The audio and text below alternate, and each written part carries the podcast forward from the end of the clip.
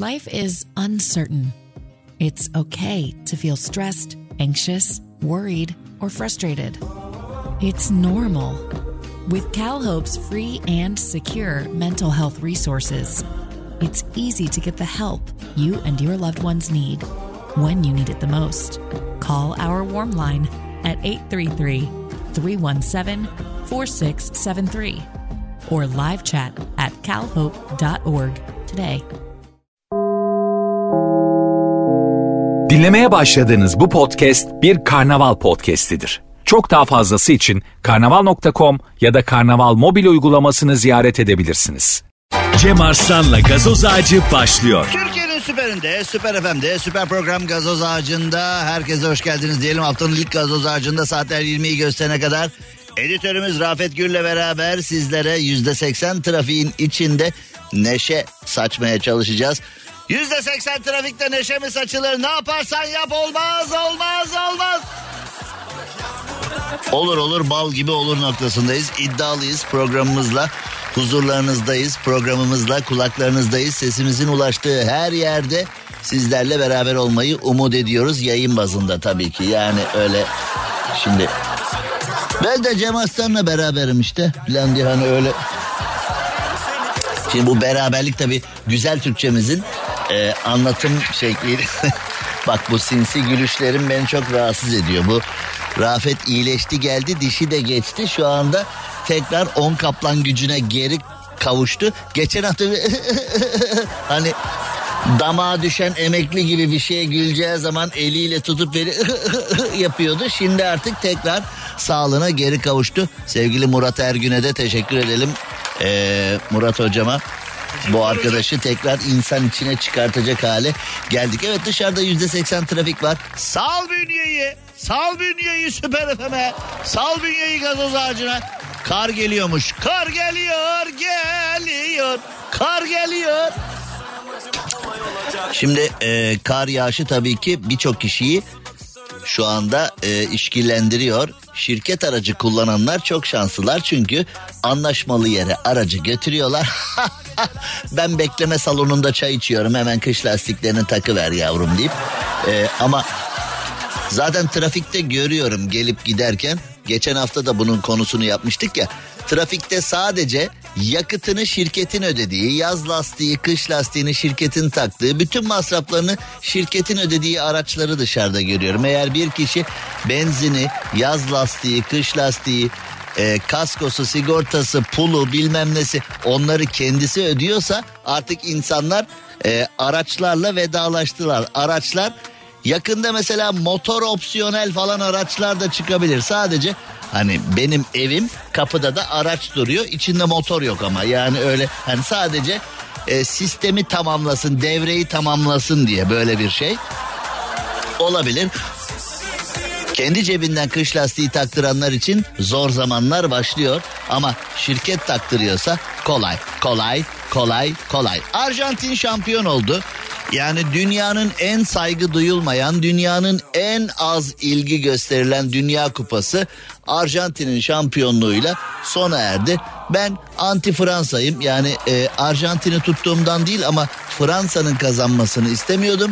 Zaten e, 80 dakika 80'lere kadar falan daha Fransa'nın şutu yoktu herhalde. Yani Fransa e, yoklardaydı. Hiçbir şey yokken Mbappe birdenbire Mbappe Fransız olmasa çok sevebilirdim onu. Yani mesela Mbappe başka bir ülkenin e, bir futbolcusu olsa çok takdir ederdim, çok severdim. Şu anda yine hani yiğidi öldür hakkını yeme babından takdir ediyorum. Gerçekten e, o tip futbolcular 80 dakika olmasa bile 2 dakikada her şeyi değiştirebiliyorlar. Yani 2 dakikada 2 gol oldu.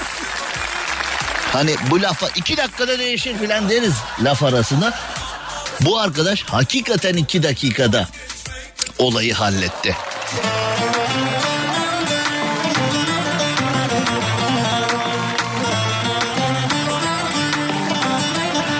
Evet iki dakikada e, mevzu halloldu. Yani çok e, alçak gönüllü bir çocuk Rafet Gür editörümüz. Meğerse Gürsüt Rafet Gür'ünmüş. Yani ha? stüdyomuza da ismini verdi. Gürsüt Süper FM stüdyosundan size sesleniyoruz. Gürsüt Süper FM stüdyosunun görselini de sizlerle paylaşacağız. Ee, reklam arasında bir canlı yayın yapıp Gürsüt Süper FM stüdyosunun görsellerini de sizlerle paylaşmaktan mutluluk duyacağız. Evet şimdi e, şöyle bir Arjantin kazandı. Arjantin'in kazandığından sonra oluşan tabloları bilmem neyi her şeyi gördünüz zaten her şey oldu. Ronaldo e, meşrubat şişesini kenara işte o kolayla ilgili bir sınav oldu ya Ronaldo'nun. Kaldırın bunu buradan ben su içiyorum falan dedi. No dediler Ronaldo'ya. E Ronaldo o şişeyi e, gülerek attı kenara istemiyorum bunu diye. Sonra Ronaldo'yu ağlayarak yolladılar ama yani turnuvanın en büyük sponsoruna yanlış yaparsan seni de ağlayarak uğurluyorlar. Her şey herkesin gözleri önünde oluyor ama e, kral çıplak kimse sesini çıkartamıyor. Ronaldo'yu da oradan bir e, gagaladılar orada bir. Şişeyi atmasaydın lazım olurdu falan diye hani öyle bir uğurladılar babayı orada. Ama o şişeyi attı. Yok dedi bana lazım değil şişe mişe dedi. Atma Ronaldo lazım olur o şişe dediler. Yok dedi bana lazım değil dedi. Sonra Ronaldo'ya da güle güle sana yolun açık olsun. Şimdi ee, Arjantin Fransa maçının ardından görülecek her şeyi gördük, duyulacak her şeyi duydunuz, okunacak her şeyi okudunuz ama küçük bir not var belki kaçırmış olabilirsiniz. Ünlü rapçi lanetten Arjantin Fransa maçında da kurtulamamış. 2022 Dünya Kupası'nda Arjantin Fransa arasındaki final maçına büyük bahis oynamış rapçi Drake 1 milyon dolar kaybetmiş.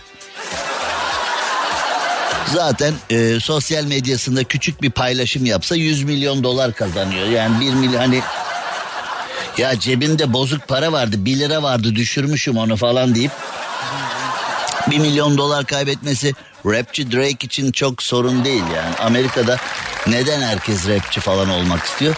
Çünkü Amerika'nın bir kısmı deli gibi böyle hani saatte 5-6 dolara kaçak işçiler çalışıyorlar bilmem ne falan Amerika'da birileri var çok eziliyor. Birileri de var bir rap söylüyor.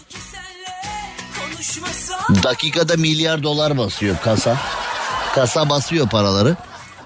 Kanadalı rapçi. Bir de Kanadalı yani hani orada. Hani Niagara pardon Niagara şelalesinden sular akıyor ya. Niagara'dan akar gibi ona da dolarlar akıyor zaten. Bir milyon dolar kaybetmesi onun için çok bir konu değildir diye düşünüyorum. Instagram'da da paylaşmış 1 milyon dolar kaybettim diye. 1 milyon dolar kaybettim diye Instagram'dan kaybettiği videoyu 100 milyon dolara satmıştır zaten yani. He? Enteresan. Şimdi e, hazır yurt dışındayken birazcık turlayalım. Çünkü biraz sonra e, maalesef tekrar içeriye döneceğiz. iç bünyeye. E, siyasi gelişmeler var. Bu siyasi gelişmelerin adını kim siyasi gelişme koymuş acaba? Çok merak ediyorum. Çünkü hiçbir şekilde gelişemiyoruz. Yani belli ki siyasi hala daha 70'lerin köhne siyasi taktikleriyle ilerlemeye çalışan iktidar ve muhalefet var bizde. Yani biz gram ilerleyememişiz. Hala köhne yöntemlerle vatandaşı kafalamaya çalışan partiler, parti liderleri var. Buna rağmen adını adını biraz sonra söyleyeceğim o köhneliğin, bayatlığın adını siyasi gelişme koymuş birileri. Neyin gelişmesi?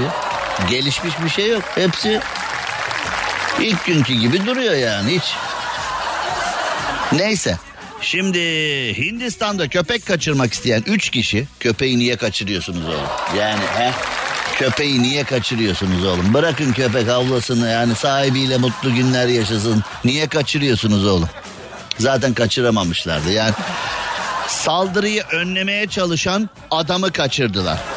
Saldırganlar daha sonra video olarak Dogo Argentino ya da Dogo Arjantin diyen de var. Dogo diyen de var. Dogo Argentino diye biraz daha artistliğini yapan da var. Şimdi Rafet e, bu dogoyu açtı da bunu nasıl kaçıracaksın oğlum? Bunu yavruyken hani yeni doğduğu anda kaçırdın kaçırdın. Sonra bir daha yanına bunun biraz zor gidersin gibi geliyor yani. Uttar Pradesh zaten bütün acayiplikler orada oluyor. Uttar Pradesh eyaletine bağlı Noida'da yaşanan ee, olayda polise yaptığı başvuruda olayın gelişimini anlatmış. İki köpeğe baktığını açıklayan adam Dogo cinsi köpeği 6 ay önce 35 bin liraya satın aldığını ve kardeşi Rahul Singh'in de hayvanların bakımına yardım ettiğini açıklamış. Şimdi birileri de gelmişler demişler ki biz bu köpeği kaçıralım değerli bir köpek bu 35 bin lira biz bu köpeği kaçırıp sahibinden fidye isteyelim demişti. Şimdi bunlar hem gapsçı hem gerizekalı. Sonra gelmişler köpeği kaçıramamışlar. Oğlum bunu nasıl kaçıralım biz bu dogoyu deyip. Sonra demişler ki en azından en azından köpeğe bakan adamı kaçıralım. Çünkü köpeğe de herkes bakamıyor. Köpeğe de anca bir kişi çocukluğundan beri, bebekliğinden beri bir kişi alıştırmışlar köpeğe. Başka kimse yanaşamıyor. O adamı kaçırınca köpeğe yaklaşabilen de yok. Demişler ki bu köpeğin o adama, o adamın bu köpeğe ihtiyacı var. Köpeği de kaçıramıyoruz. Ya, suç dünyasının yüz karaları ya. Oturup plan yapıyorlar köpeği kaçıralım diyor sonra biz köpekten korkuyoruz nasıl kaçıracağız köpeği deyip kaçıramamışlar adamı kaçırmışlar. Hayretti. Köpek de bir tanesini ısırmış saldırganların bir tanesini. Nereye götürüyorsunuz o bana lazım yemeğimi veriyor suyumu o veriyor benim diye. Fakat yine de e, köpeğe bakan adamı bu üç kişi e, yakalamış. E, polis ekibi şu anda saldırganları arıyormuş. Sonradan çünkü köpek bulmuş kaçıranları. Ya bunlar hem suçlu hem gerizekalı. Bunların kafası çalışsa zaten adam olurlarmış ya. Gürsüt Süper FM stüdyolarından yaptığımız yayınımız e, devam ediyor ve şimdi e, sizlerin de yardımına müracaat etmek istediğimiz bir konu var. Konu e, Elon Musk olabilir mi? Olabilir. Havadaki uçak yolcuları yani düşün bir uçaktasın gidiyorsun A noktasından B noktasına gidiyorsun uçaktasın böyle Hani boş boş dışarı bakıyorsun. Pencere kenarı denk gelmiş. Böyle aa bulutlar falan diyorsun. Ara sıra bulutların ardından e, kara gözüküyor. Yukarıdan bakıyorsun. Aa bizim ev hangisi filan bakıyorsun yukarıdan. Öyle bir mayışmışın. Uçakta yemeği dağıtmışlar filan. diye bir ses var. O ses böyle uyku da yapıyor bazen.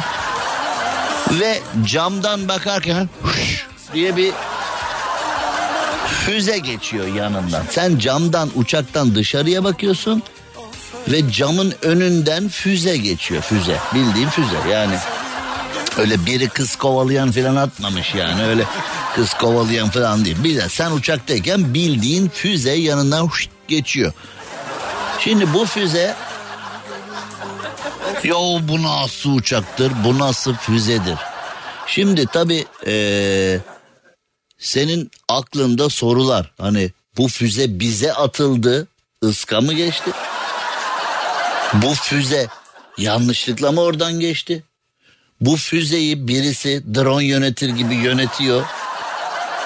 Kontrolden kontrol panelinin o anda pili bitti bir şey mi oldu? Kol tutukluk mu yaptı joystick?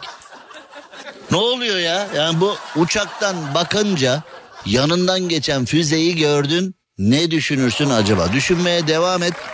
Gürsüt Süper FM stüdyolarından kulaklarınıza misafir olacağız kısa bir reklam aranın ardından yeniden ve bakacağız bu füzenin durumuna.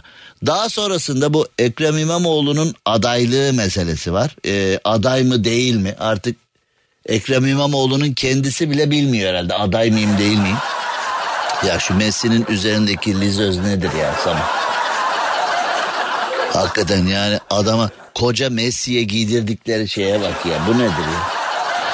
Ee, Arjantin'de hayat durmuş bu arada. Neyse görüntülerde geliyor. Şimdi şunu demek istiyorum. Ee, Biraz sonra Ekrem İmamoğlu aday mı değil mi ona bakacağız. Ahmet Hakan'la Abdülkadir Selvi e, harıl harıl gereğini yapıyorlar. Orada bir iktidara yakın medya mensuplarının bir e, enteresan yaklaşımları var. Varoğlu var, Varoğlu var. Bir tane milletvekili var parti parti gezmiş. Bu nasıl siyaset ya? Bu ne labali? Parti parti gezmiş. Ona da bir bakacağız. Ee, ilk önce bu füzeye bakacağız. Sonra dedim ya onu ağırdan alıyorum. Mümkün olduğu kadar geç geleyim dedim ama mecburen siyasi gelişmelere de bakacağız iç bünyede. Cem Arslan'la gazoz ağacı devam ediyor. Evet e, Ebru Yaşar doğru söylüyor. Hakikaten ben de söyleyeyim yalnız uyumuyor hakikaten. Yani bu işlerin profesörü olarak Rafet Bey bilmez bu işleri ama bu işlerin profesörü bir insan olarak net söyleyebilirim. Yalnız uyunmuyor hakikaten yani. Yorgansız yatarım. Ee, pike pike iyi. Yorgan yoksa pike pike iyi olabilir yani. Şimdi ee, Cuma günü Amerika'nın Florida eyaletindeki Canaveral burnundan geçen bir uçaktaki yolcular bilmeden SpaceX roketinin fırlatışını ön sıradan izlemişler. Çünkü uçakta gidenler birdenbire diye yanından kız kovalayan gibi füze geçmiş. Ya şimdi o uçağın yolcusu olsan bir, bir türlü şey aklından ya ne güzel yanımızdan füze geçti. Aa biz de ön sıradan SpaceX'i seyrettik. Ne güzel mi diyeceksin uçağın uçağın içinde. Oğlum biri düşürüyor. Pilota söyleyin oğlum. Ateş ediyorlar oğlum uçağa. Uçağa ateş ediyorlar. Hani birisi delirirsin yani uçağın içinde. Saldırıya uğradı. Kim var oğlum uçakta?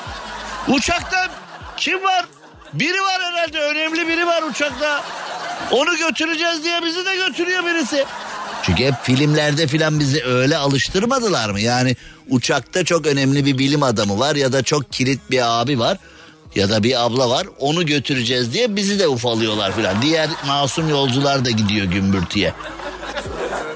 Ee, göğe renk vermeyecekler yani. Uçak bu ya düşüyor ne yapalım falan deyip Ve e, yolcular hiç de öyle aa yaşasın SpaceX Falcon 9'un fırlatışılma... ne SpaceX'i ya? Ölüyoruz burada ya. Yani yolcularda hiç öyle bir mutluluk falan olmamış. SpaceX Falcon 9'un fırlatılma anına baya yakından denk geldik diye.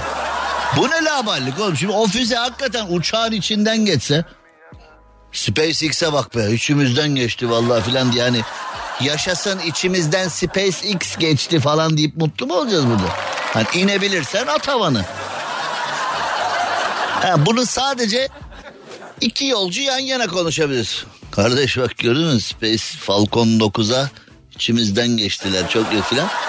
Hani o uçaktan canlı kurtulup aşağı inip ne bileyim Amerika'daki o böyle reality şovlara falan. Bir de sizin ağzınızdan dinleyelim Rafet Bey. Sizin içinizden geçmiş roket nasıl oldu falan diye. Tamam eyvallah ama inebilirsen. İnemediğin anda SpaceX senin var ya yapacağın işin var ya. diye. Hani son son kelimeleri diye bir yazı dizisi vardı ya hani bu düğme ne işe yarıyor ee, filan diye vardı orada ha. Evet gelelim e, gelmek istemesek de yerli malzemelere. Cem Arslan'la gazoz ağacı devam ediyor. Türkiye'nin süperinde, Süper FM'de süper program Gazoz Ağacı devam ediyor. Gürsüt Süper FM stüdyolarından canlı olarak kulaklarınızdayız.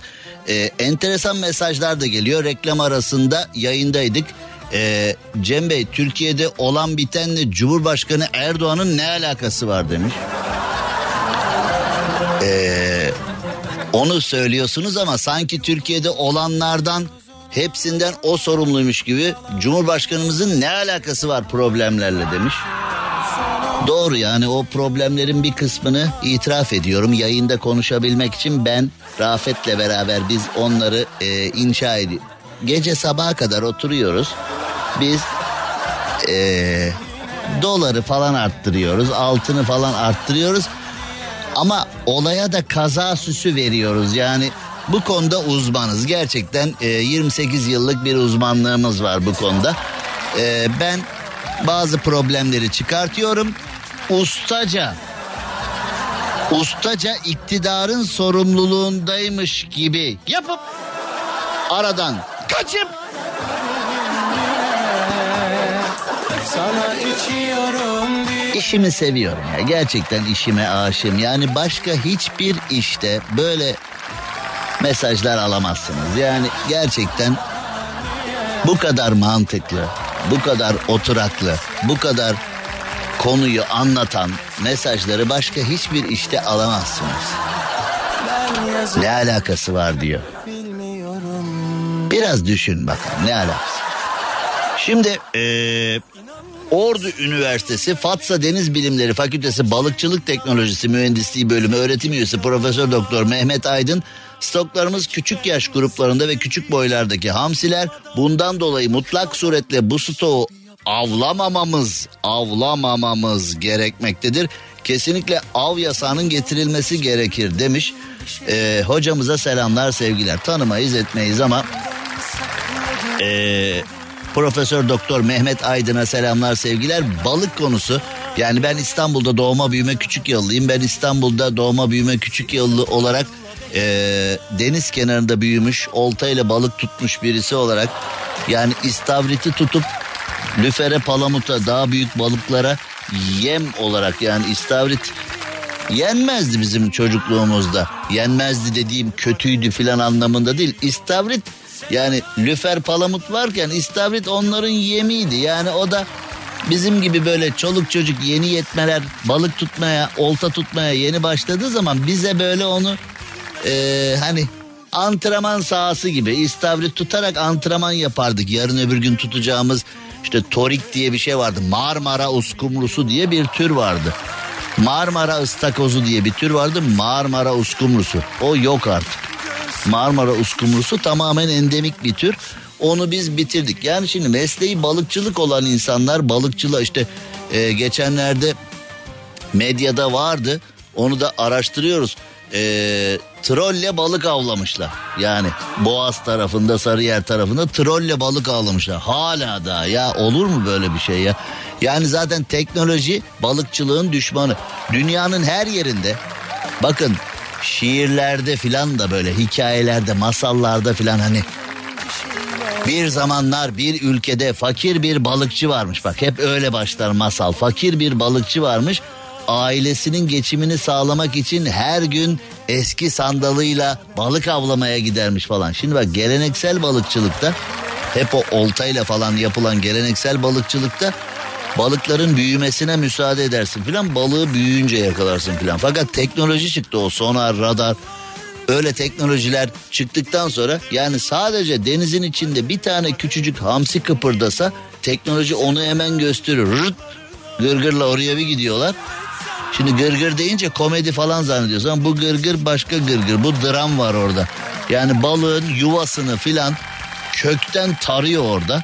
Yani balığın yuvası bilmem nesi üreme alanı her şey yok olunca yani bir de yem fabrikalarına giden balıklar var tabii. Balıklar tutuluyor hale gitmeden yem fabrikasına gidiyor. Yani bu kontroller ne derece sık yapılıyor ne derece olması gerektiği gibi falan biz vatandaş olarak bunları çok bilmiyoruz tabii ki. Yani bu konular sıkıntılı konular ama ama hakikaten bunun çaresi yasak mıdır? Bunun çaresi bilinçlendirme midir? Bunun çaresi sıkı kontrol müdür? Bunun çaresi e, tamamen dirayetli bir balıkçılık politikası mıdır filan hani hiç bilmiyoruz. Daha doğrusu biliyoruz da bilmiyoruz ama bütün bunların hepsinin yapılması lazım. Ekmeğini denizden kazanan balıkçı kardeşlerimizin de balığı yaşatmak adına yani ya bugün tutalım da bugün yövmiye çıksın da yarına bakarız filan böyle balıkçılık olmaz. Yani ta Osmanlı'dan bu yana Osmanlı'dan bu yana Eminönü'ndeki o balık ekmek değil mi? Yani o balık ekmeğin arasına böyle balığı koyarsın kırmızı soğanı falan bilmem ne. Hani Osmanlı'dan bu yana Emin önündeki o balık ekmek mevzusu dünyanın her tarafına nam salmış bir şeydir. Şimdi yine balık ekmek satılıyor orada. Norveç uskumrusu satılıyor. Ya arkadaş gelenek bizim balık Norveç'ten geliyor. Yani Bu ayıpta bize yeter. Dört tane denizimiz var. Dört Karadeniz, Marmara, Ege, Akdeniz. Dört tane denizimiz var. Hatta Van Gölü'nü de e, saydığımız zaman beş denizimiz oluyor. Yani şimdi Van Gölü'nde de inci kefali denen çok lezzetli bir endemik tür vardır. O inci kefali gerçekten mükemmeldir yani. Gerçekten mükemmeldir. Yiyenler vardır aramızda. Bir de tabii şöyle bir durum da var. Hani memleketimizin e, kurumadan önce güzel gölleri ve ırmakları vardı. O ırmak balıkçılığı, göl balıkçılığı da tamamen ayrı bir şey. Onları da hiç kat yani dört tane denizimiz var.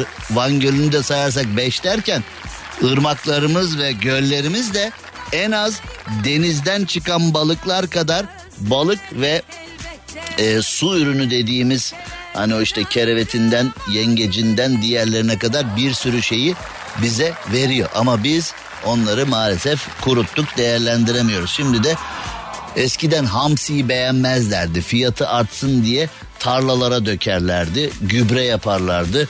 Hatta böyle reçelinin filan yapıldığı iddia edilirdi. Yani o kadar bol ki artık turşusunu reçelini yapıyoruz. Yiyerek bitiremiyoruz falan. Şimdi yemeğe bulamıyorsun ya. Yakında böyle hamsi yazıp görsellere basacağız Google'da hani hamsiyi bulmak. Ha hamsi buymuş deme. Ha buymuş hamsi demek. Ya arkadaş ya aynen öyle valla. Aynen öyle. Ekrana ekmek banarsın yani. Böyle bir şey olur mu? Yani şimdi ee, adam koskoca profesör ve Ordu Üniversitesi Fatsa Deniz Bilimleri Fakültesi Balıkçılık Teknolojisi Mühendisliği bölümü öğretim üyesi.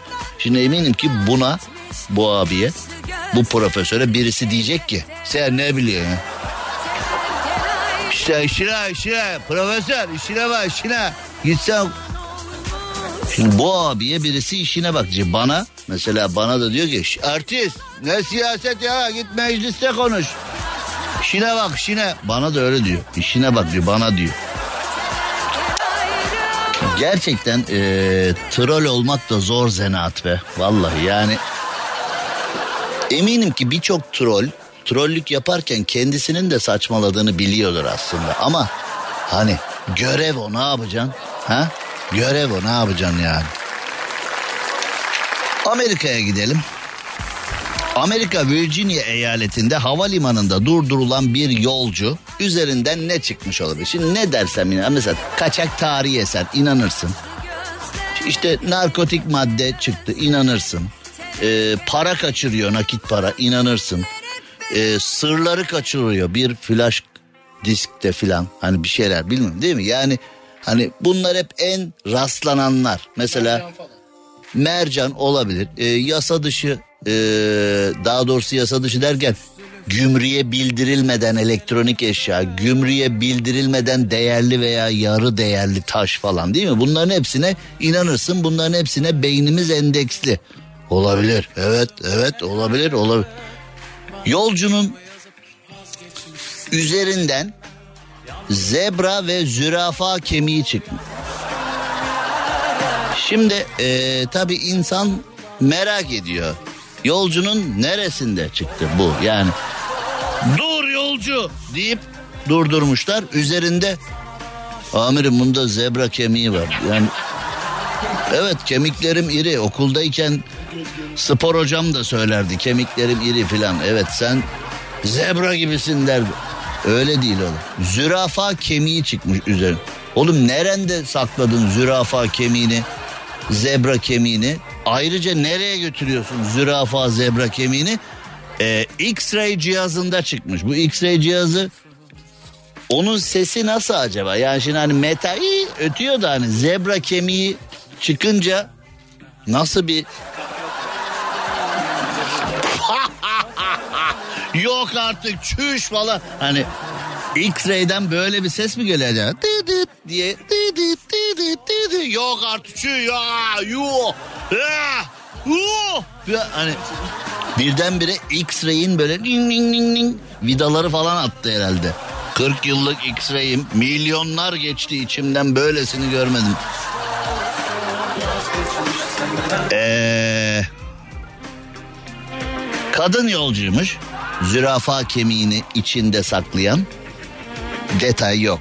Yani Zürafa ve zebra kemiğini içinde saklamış. Kadını gözaltına almışlar. Kenya'dan geliyorum demiş. Ee,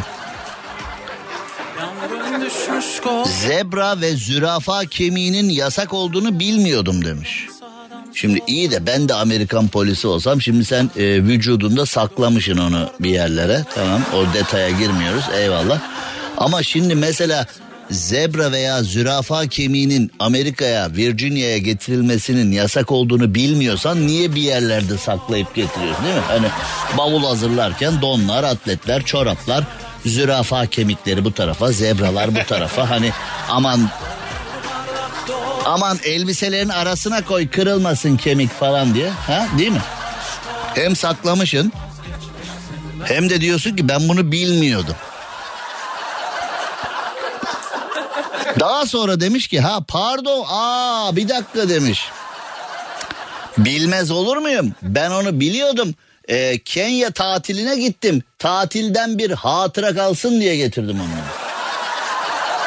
Oğlum Kenya'yı hatırlamak için zürafa kemiğine mi bakıyorsun yani? Hani Kenya'yı nasıl hatırlarsın? Bak zürafa kemiği bana her bakışımda Kenya'yı hey hey Hey Kenya hey hey Kenya hey. Yaklaşık iki yıl önce bir memur e, bir yolcunun babun kafatası taşıdığını da e, söylemiş. Bazen ilginç işler oluyor bizim mesleğimizde de. Babun kafasını niye eve götürüyorsun oğlum bu nedir ya? Ha? Babun kafasını belki de eve şunun için götürüyor. Ben de bu babun kadar kafa yok. Doktor bunu değiştir bize. Hani benim kafayı çıkart yerine bunu koy falan demek için mi acaba? Ha? O babun kafası kaçak bir şey diyor. Yedek parça o yedek parça deyip hani değiştireceğiz onu de. Balatayı büyüteceğiz biz. Tatilden yani. Şimdi öyle bir fıkra var ya hani e, iki mahkum konuşuyormuş. Demiş ki bir tanesi sen niye içeride yatıyorsun? O da demiş ki tırnaklarım kirliydi. Aa sadece bunun için mi yatıyorsun demiş içeride. Tırnaklarım kirliydi diye mahkum. Arasında patronu buldular. Cem Arslan'la gazoz ağacı devam ediyor. Türkiye'nin süperinde, Süper FM'de, Gürsüt Süper FM stüdyolarından hepinize iyi akşamlar, selamlar, sevgiler. Şimdi ee, bir enteresan mevzuatı not aldım bugün sizlerle paylaşayım diye. Mersin'de dünyaya üç ayaklı civciv gelmiş. Oluyor ee, artık e, DNA kodları filan değişti. Artık hücre kodları değişti. Tıp dünyası da çaresiz, hayvanlar dünyası çaresiz. Gıdalar, dünyayı getirdiğimiz nokta filan her şey bir acayip oldu. Üç ayaklı civciv gelmiş. Görenler çok şaşırmışlar. E, gayet normal değil mi ya? Sen de üç ayaklı civciv görsen. Yani e, üç ayaklı civciv görünce beş ayaklı eşek görsen, ha? Üç ayaklı civciv görsen, ha? Yani düşün bir at yarışı, beş ayaklı at koşuyor, ha? Hadi oğlum, yürü oğlum. Sahibi 10 kat fiyat teklif edilmesine rağmen satmak istememiş. Şimdi sahibini tebrik ediyorum. E, çünkü sahibi demiş ki ben bu civcivi ameliyat ettireceğim. E, üçüncü bacağını e, tedavi ettireceğim ve ona bakmaya devam edeceğim. Yani sahibini gerçekten ayakta alkışlıyoruz. Tebrik ediyoruz, alnından öpüyoruz. Yani adam bu işi demek ki e, onuruyla yapıyor, dik duruşuyla yapıyor, güzel bir etikle yapıyor. On kat mı? Ver ver ver ver ver demiyor. Yalnız şuna şaşırdım. Şimdi diyelim ki sahibi e, yani böyle böyle güzel bir insan değil de para hırsıyla yanıp tutuşan birisi diyelim ki. Oğlum üç bacaklı civcivi alıp ne yapacak? He? Ya ne yapacaksın şimdi eve hanım bak ne aldım falan diye. 10 kat fiyat teklif edilmiş aldın onu koydun mukavvaya. Mukavva kutuyla götürdün eve. Hanım bak ne aldım hazırlan sürpriz falan diye. Hanım da kutuyu açıyor acaba ne çıkacak işte böyle çanta mı ayakkabı mı derken. Üç bacaklı civciv. Bu ne? Civciv. Kızım bak bir şey dikkatini çekiyor mu civcivde? Ha? Ne yapacağız ya? Ha, ne nedir yani? Olay nedir yani? Üç bacaklı civcivi aldın diyelim. Sonra yani gerçekten çok acayibiz ya. Üç bacaklı civcivi bana sat, bana sat, bana sat diye yarışmışlar. Sahibi demiş ki hadi kardeşim satmıyorum.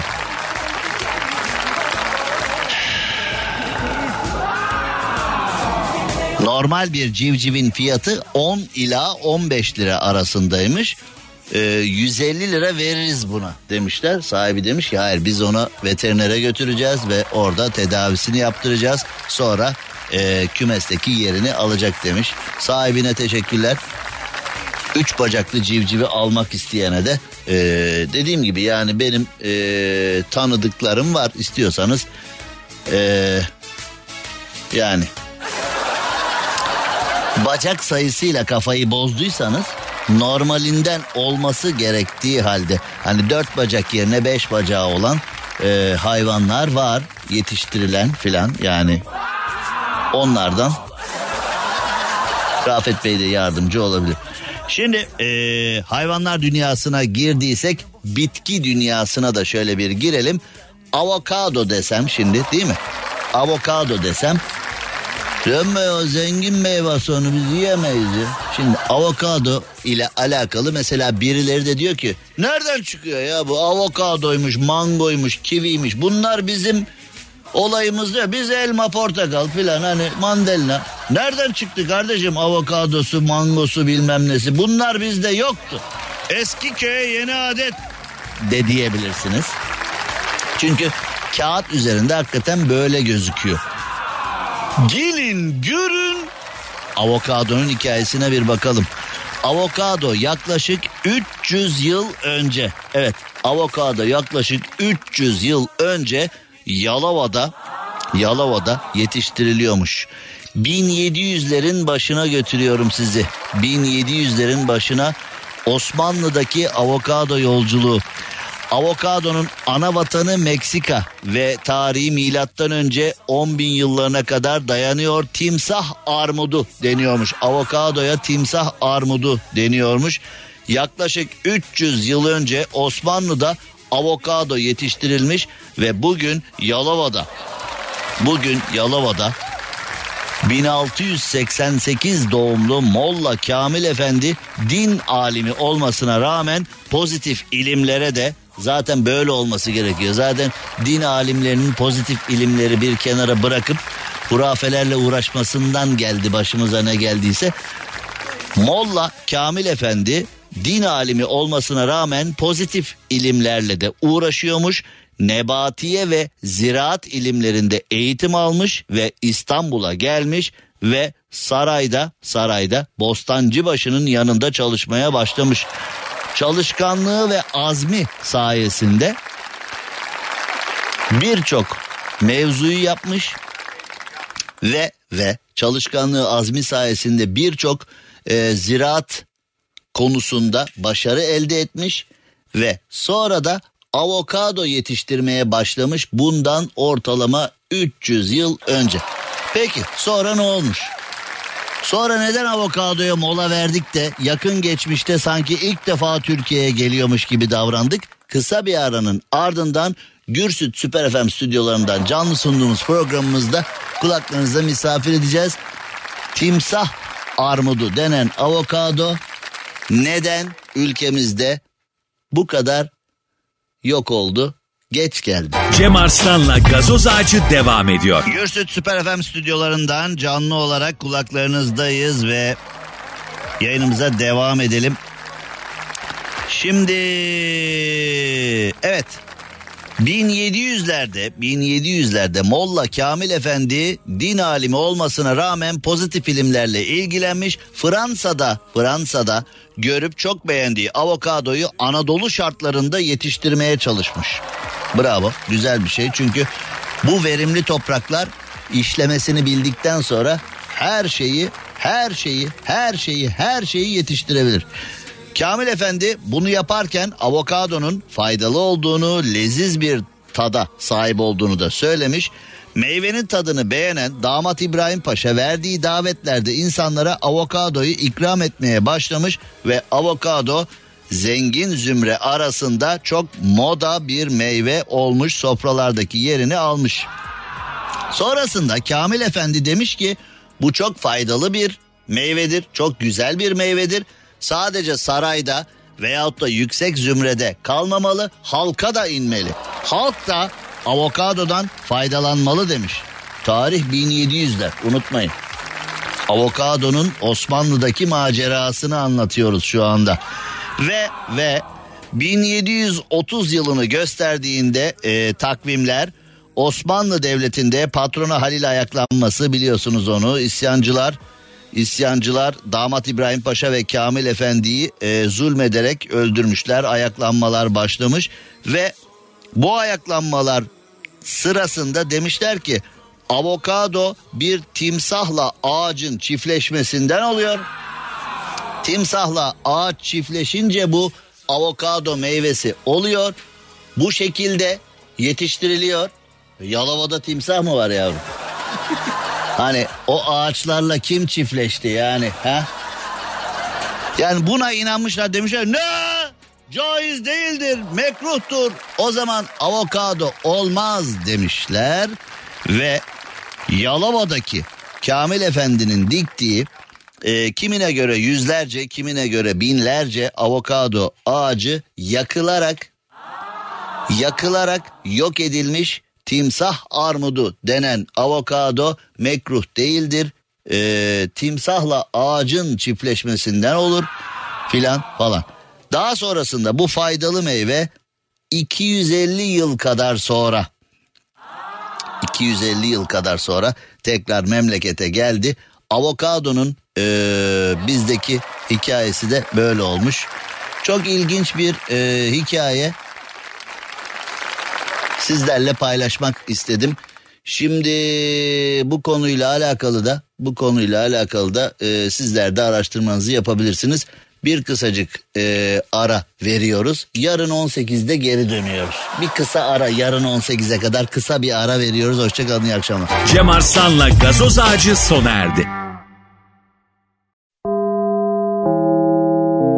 Dinlemiş olduğunuz bu podcast bir karnaval podcastidir. Çok daha fazlası için karnaval.com ya da karnaval mobil uygulamasını ziyaret edebilirsiniz. Aksesliler yılbaşı alışverişinde ne düşünür? Vereceği partiyi. alacağı hediyeleri. Yılbaşı masraflarını.